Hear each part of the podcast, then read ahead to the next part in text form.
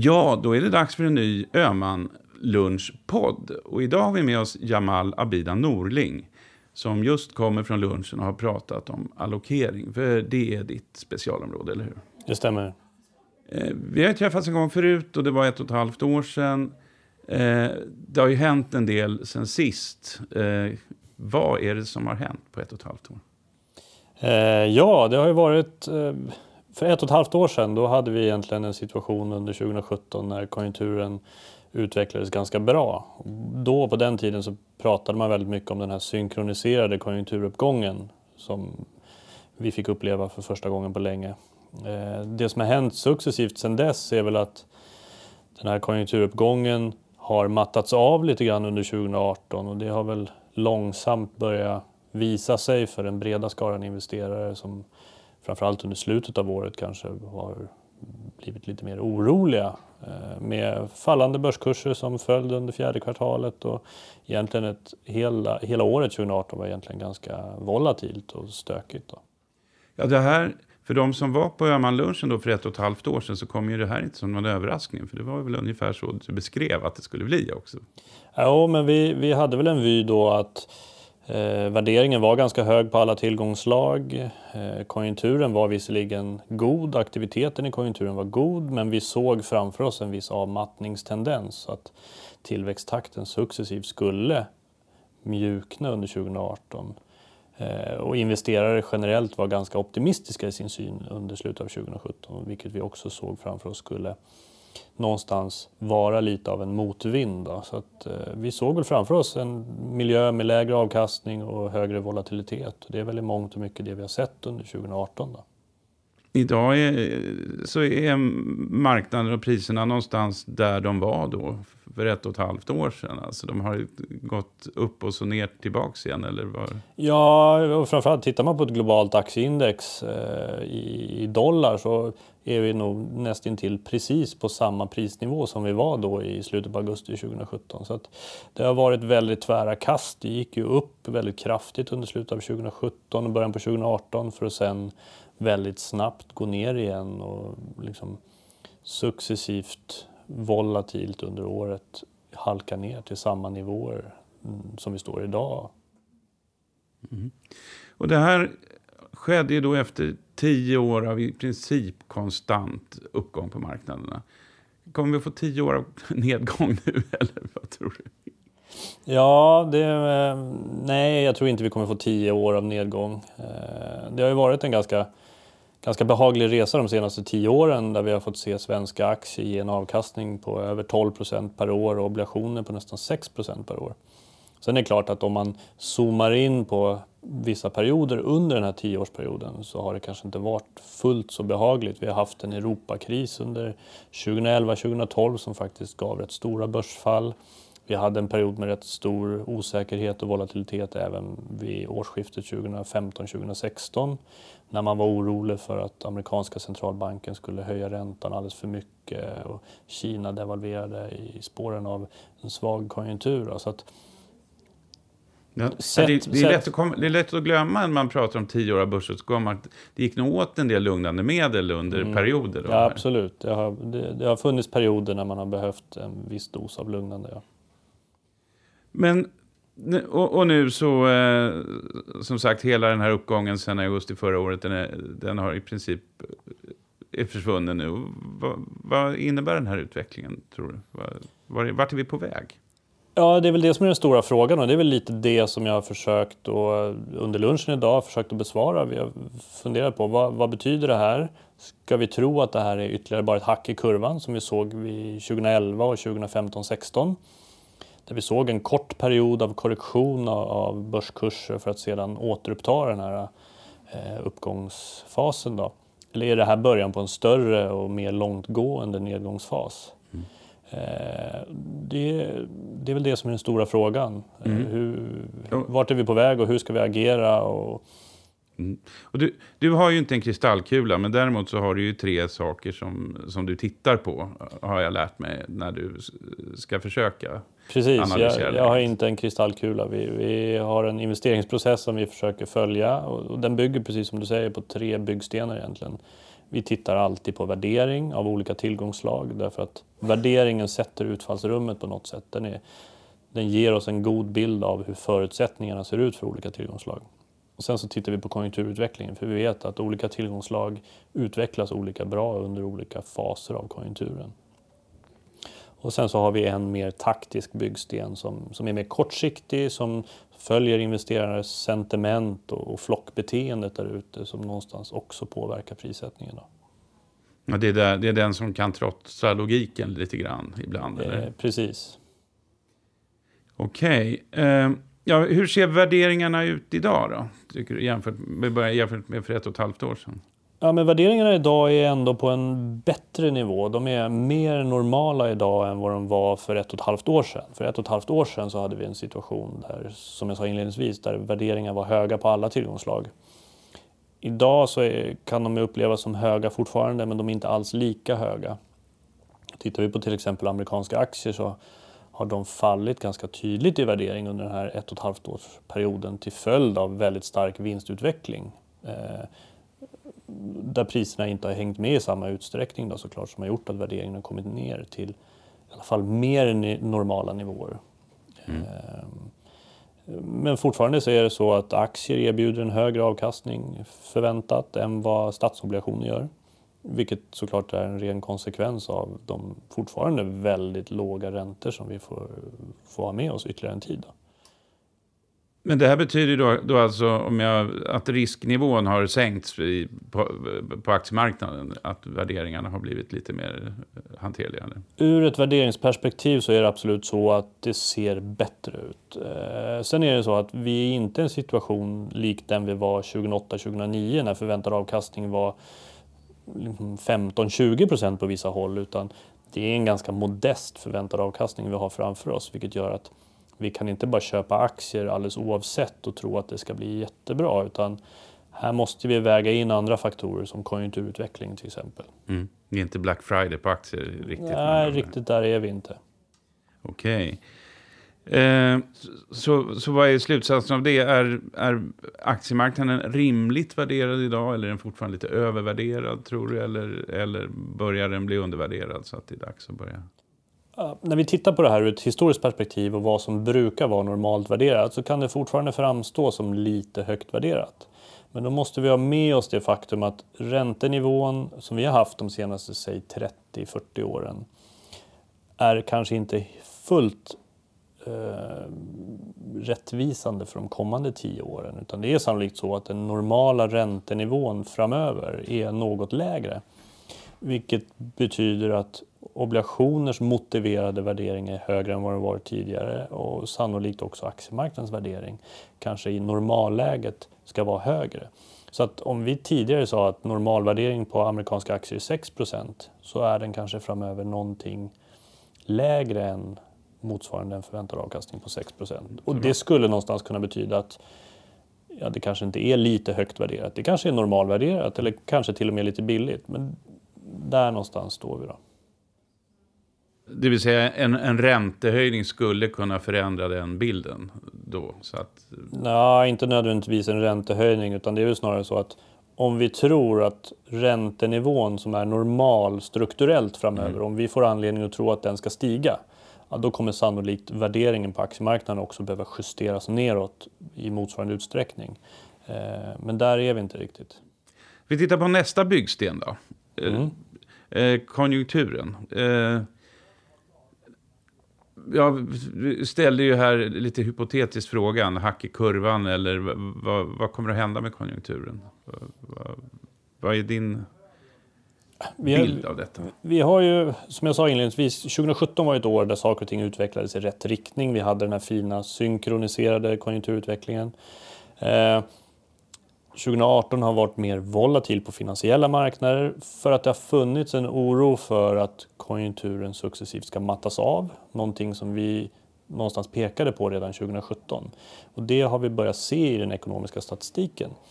Eh, frågan är huruvida det här ska rulla över i någon form av globalt recessionsscenario eller om det bara är ett avmattningsscenario vi ser framför oss. Då. Eh, aktiviteten idag är fortfarande väldigt bra. Det är den högsta aktivitetsnivån vi har sett Eh, Eh, på global basis sedan finanskrisen. Men vi ser att den successivt mattas av och tillväxttakten är avtagande och det har den varit det senaste ett och ett halvt året. Eh, men nivån är god, men riktningen är negativ. Då. Om man tittar på de här eh, indikatorerna som ju du sitter och tittar på. Eh, känns det som att, det, att vi får någon slags eh, crescendo i, i, i negativa förväntningar i, nu eller på, på konjunkturutvecklingen? Eller? Det vi kan se när vi tittar på våra ledande indikatorer, de pekar ju fortfarande neråt. Eh, vilket är delvis lite problematiskt då, därför att det säger oss någonstans att den här avmattningen ska fortsätta ytterligare en tid. Eh, men som sagt, aktivitetsnivån är ändå den högsta vi har haft på väldigt länge eller har varit och så successivt kommit ner lite grann. Det är fullt naturligt att se en avmattning. Det svåra är ju att visibiliteten blir ju förhållandevis låg när vi ser att ledande fortfarande pekar neråt. Och fortsätter det i all evighet så är det klart att då har vi förr eller senare en recession framför oss. Mm, mm. Eh. Men tillväxten har mattat av lite grann. Mm. Eh, och eh, pessimismen eh, tilltar en smula. Eh, eller ja, pessimismen finns kvar i alla fall. Mm. Och, och, men fortfarande, om jag förstår det rätt, så att tro att recessionen kommer, det är lite för tidigt. Utan det vi, vi tror inte att vi står inför ett globalt recessionsscenario här och nu, eller den närmsta tiden. Utan vi, vi ser det här fortfarande som en avmattning. Eh, och vi ser också att centralbankerna som har varit väldigt stödjande och stimulerat ekonomin under de här tio åren för att sen då börja höja räntan och strama åt. Nu på senare tid när vi ser bevis för svagare ekonomisk statistik så har de faktiskt också mjuknat i tonen. Vi har sett eh, amerikanska centralbanken faktiskt sänka räntebanan och, och, vara väldigt mycket mer mjuka i kommunikationen. Vi har sett ECB eh, pratar prata om att det fortfarande finns överhängande nedsiderisker för ekonomin och att det här är en ekonomi som fortfarande är i behov av stora stimulativa åtgärder. Och vi ser den kinesiska centralbanken som faktiskt från tid till annan och senast här idag, i morse tror jag, ytterligare kom med likviditetsinjektioner i marknaden. Så att Centralbankerna är inte på autopilot i en fast riktning mot stramare penningpolitik utan de är fortfarande väldigt lyhörda och, och verkar av vad vi kan se hittills anpassa sig efter den inkommande statistiken.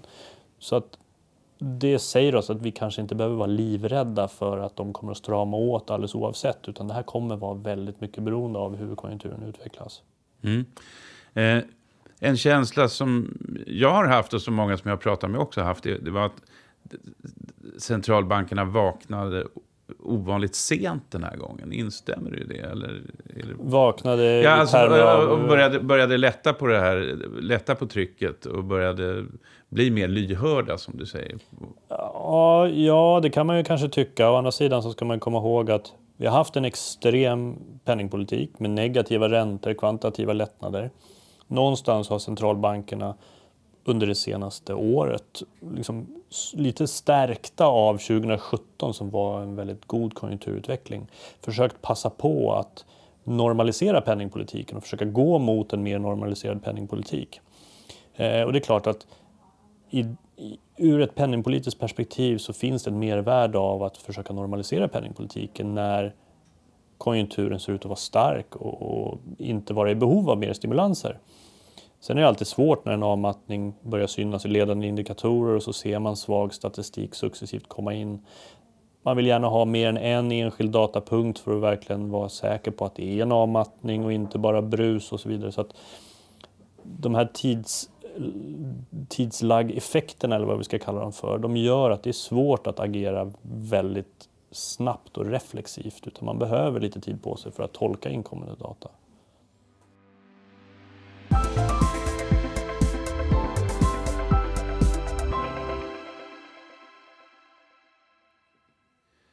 Ja, vi har pratat lite grann om de ledande indikatorerna. Att det, eh, om man, ja, jag har en bild här, om man tittar på dem så hänger de ju verkligen under nollstrecket allihop. De senaste, sista kvartalet 2018 mm. framförallt. Eh, och fortsätter att göra det. Eh, och ändå tror du att risken för en recession är ganska liten. Men om man tittar på den här bilden mm. så ser det ju ganska trist ut. Får man säga. Det, det kommer tillbaka lite grann till det jag sa tidigare. att Vi har en god aktivitetsnivå att utgå ifrån. Eh, hade vi haft en mycket lägre aktivitetsnivå och sett fallande ledande indikatorer, då hade det varit mycket närmare till ett recessionsscenario. Här har vi lite mer fallhöjd. Aktiviteten är väldigt god. Eh, men det är klart, återigen, fortsätter de här att försvagas så kommer ju risken för recession att öka och vi har sett risken för recession att öka. Eh, men vårt huvudscenario är ändå att det här är fortfarande bara en avmattning därför att vi ser inte riktigt de signalerna som pekar på en förhöjd recessionsrisk här och nu. Då. Vi ska återkomma lite till det när vi har tittat i din tredje låda här. För den där som jag kallar för den lite mer ologiska lådan, eller du mm. kallar för den taktiska. Just det. Eh, kan du beskriva för mig den här, som menar, det, det känns mer som en slags eh, titt in i huvudet på placeraren. Mm. Hur, den här, hur den här cykeln ser ut. Men det är väl någonstans lite en titt in i huvudet på placerare därför att det här är ju en återspegling av ren mänsklig psykologi. Eh, dels så hanterar vi och får information, ny information om finansiella marknader och ekonomi successivt och på olika sätt. Men sen så hanterar vi den också på olika sätt vilket gör att när det kommer en positiv nyhet eh, kring finansiella marknader så kommer vi att agera på den olika snabbt och i olika stor utsträckning. Men om vi föds med liksom, successivt mer och mer positiv information så kommer vi successivt ta en allt mer offensiv eh, stans mot aktiemarknaden och kanske köpa successivt mer och mer aktier. Och till slut så kommer vi nå en punkt där euforin är utbredd, där alla tror att det här kommer att gå hur högt som helst och ekonomin kommer bara bli starkare och starkare. Och då har vi alla köpt alla aktier som vi någonsin kan äga.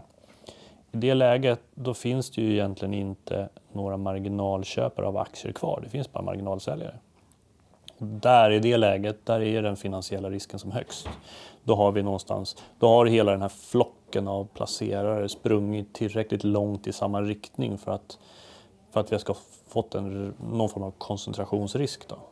Och vice versa på nedsidan. När depressionen är utbredd bland placerare, man har liksom gått från panik och ångest hela vägen ner, då har man sålt alla aktier man någonsin kan sälja och då finns det bara marginalköpare kvar. Och då är vi istället i ett läge där finansiella möjligheter är som störst. Då. Var befinner vi oss nu, tycker du, i den här berg och dalbanan? Ja, men det är en jättebra fråga. Vi har ju sett marknaden gå ner ganska kraftigt. Så att vi, vi, har ju, vi har ju tagit oss ner från euforin och mot rädsla och kanske ner mot panik. Det vi kanske inte har sett riktigt än, och det är inte säkert att vi i varje cykel ska se det heller, det är den här riktiga fullständiga kapitulationen och depressionen. Men den ska vi nog bara se om vi får mer av ett recessionsscenario inprisat.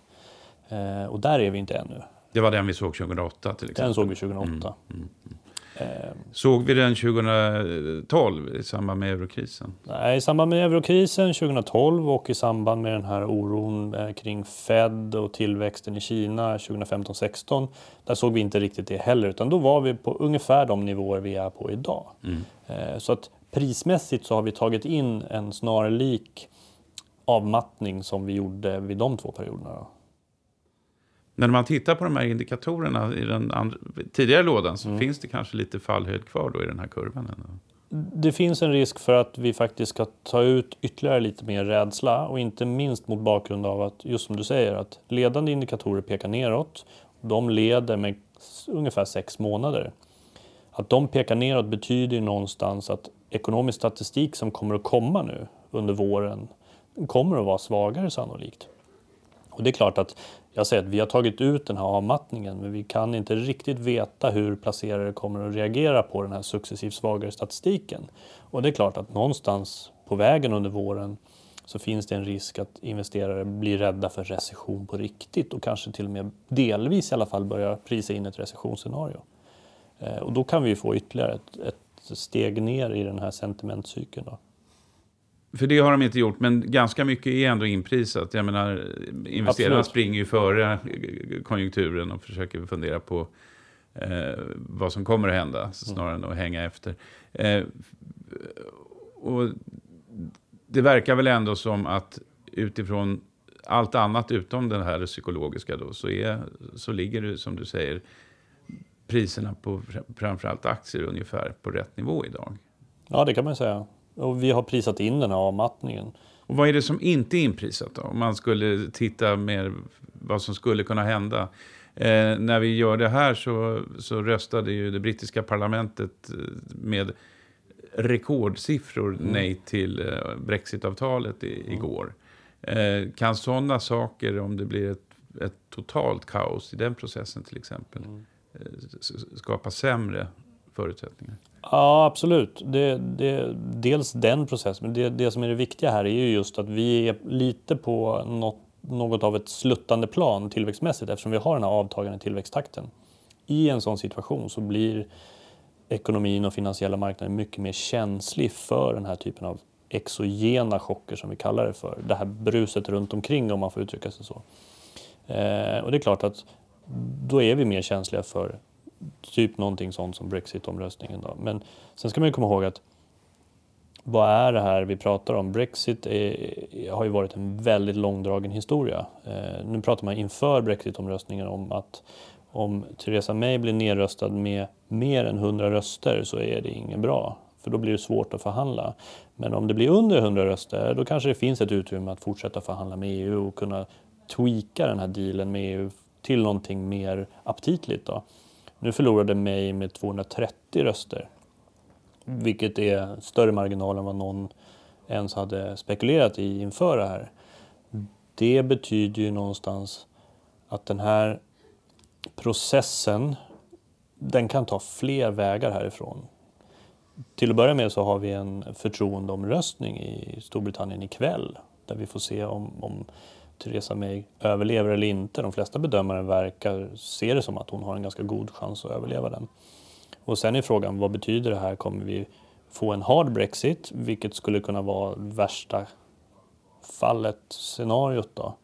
Eller det värsta scenariot.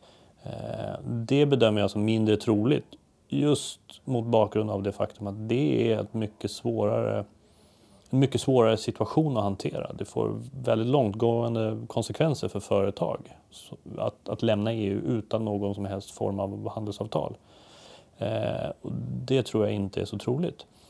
Eh, utan det är snarare så att vi kommer att gå mot antingen en omförhandling av det här brexitavtalet. Nu är det kanske tveksamt huruvida EU är villiga att förhandla om så mycket och givet marginalen som hon förlorade omröstningen med så finns det ju ännu mindre utrymme för att förhandla. Vad ska man ens förhandla om? Det verkar inte vara, finnas någon konsensus kring det här överhuvudtaget.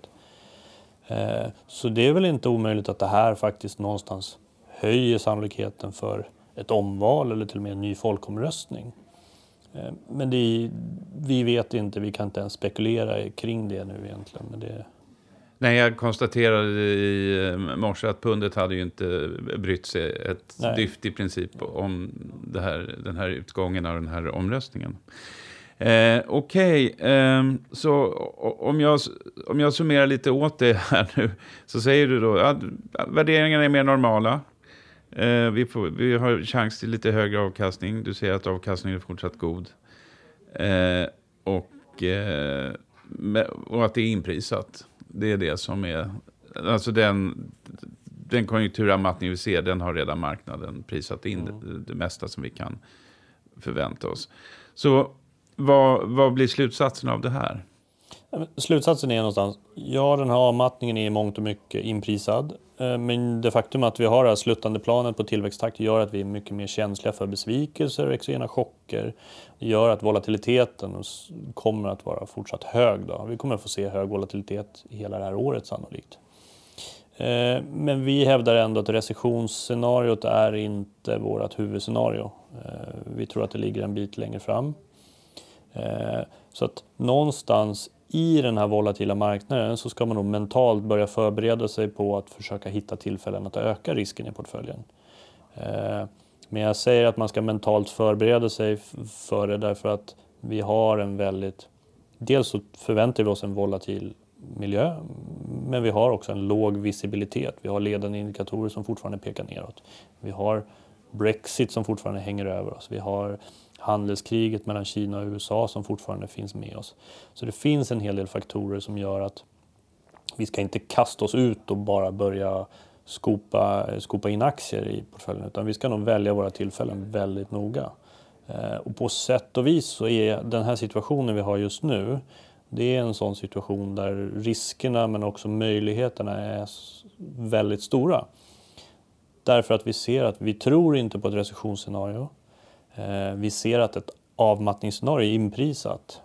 Eh, och får vi rätt i det, då finns det en god uppsida i att äga risktillgångar. Samtidigt så vet vi att även om vi har rätt så förhindrar det inte investerare generellt ifrån att prisa in ett recessionsscenario. Då finns det ytterligare nedsida kvar i, i, i aktiemarknaden. Så att en fortsatt volatil miljö tror jag är att vänta men samtidigt så tror jag att vi inom en till två månaders tid så har vi tillräckligt med bevis i termer av ekonomisk statistik och ny information från ledande indikatorer för att någonstans känna oss mer konfidenta att, att öka risken. Nej, jag skulle försöka göra någon slags bild där. Vi sitter här nu vid, vid, rödljuset. Vi tände ju lite rödljus för ett och ett halvt mm. år sedan och sa att nu är riskerna lite för höga i, mm. i aktiemarknaden. Nu ska vi ta det lite lugnt ett tag.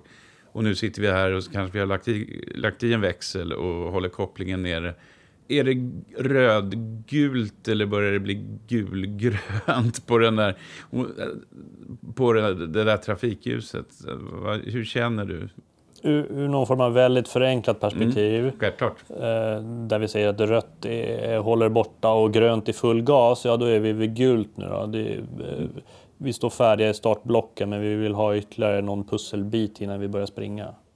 Och anledningen till det Eh, det går att tjäna pengar genom att öka risken, men risken är ju då stor antar jag, att man eh, drattar ner i avgrunden här. Precis.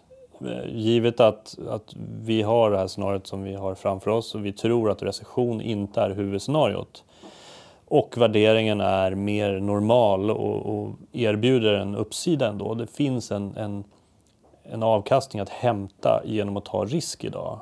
Men samtidigt så gör den här osäkra makromiljön fortsatt att nedsiderisken är fortfarande ganska stora. Eh, vilket gör att trampar vi fel här så kan vi förlora rätt mycket och, på vägen. Då. Tack Jamal Abida Norling för att du kunde sätta dig ner med, med mig en liten stund efter lunchen. Och eh, vi kommer att återkomma med fler eh, poddar eh, i samband med Öhmanluncher. Och eh, ska vi bli spännande att se om vi ses om ett och ett halvt år igen kanske. Eller så. Och se hur det gick. Du hade ju rätt förra gången. Vi vill se om du har rätt nästa gång också. Tack, tack så mycket. Tack så mycket.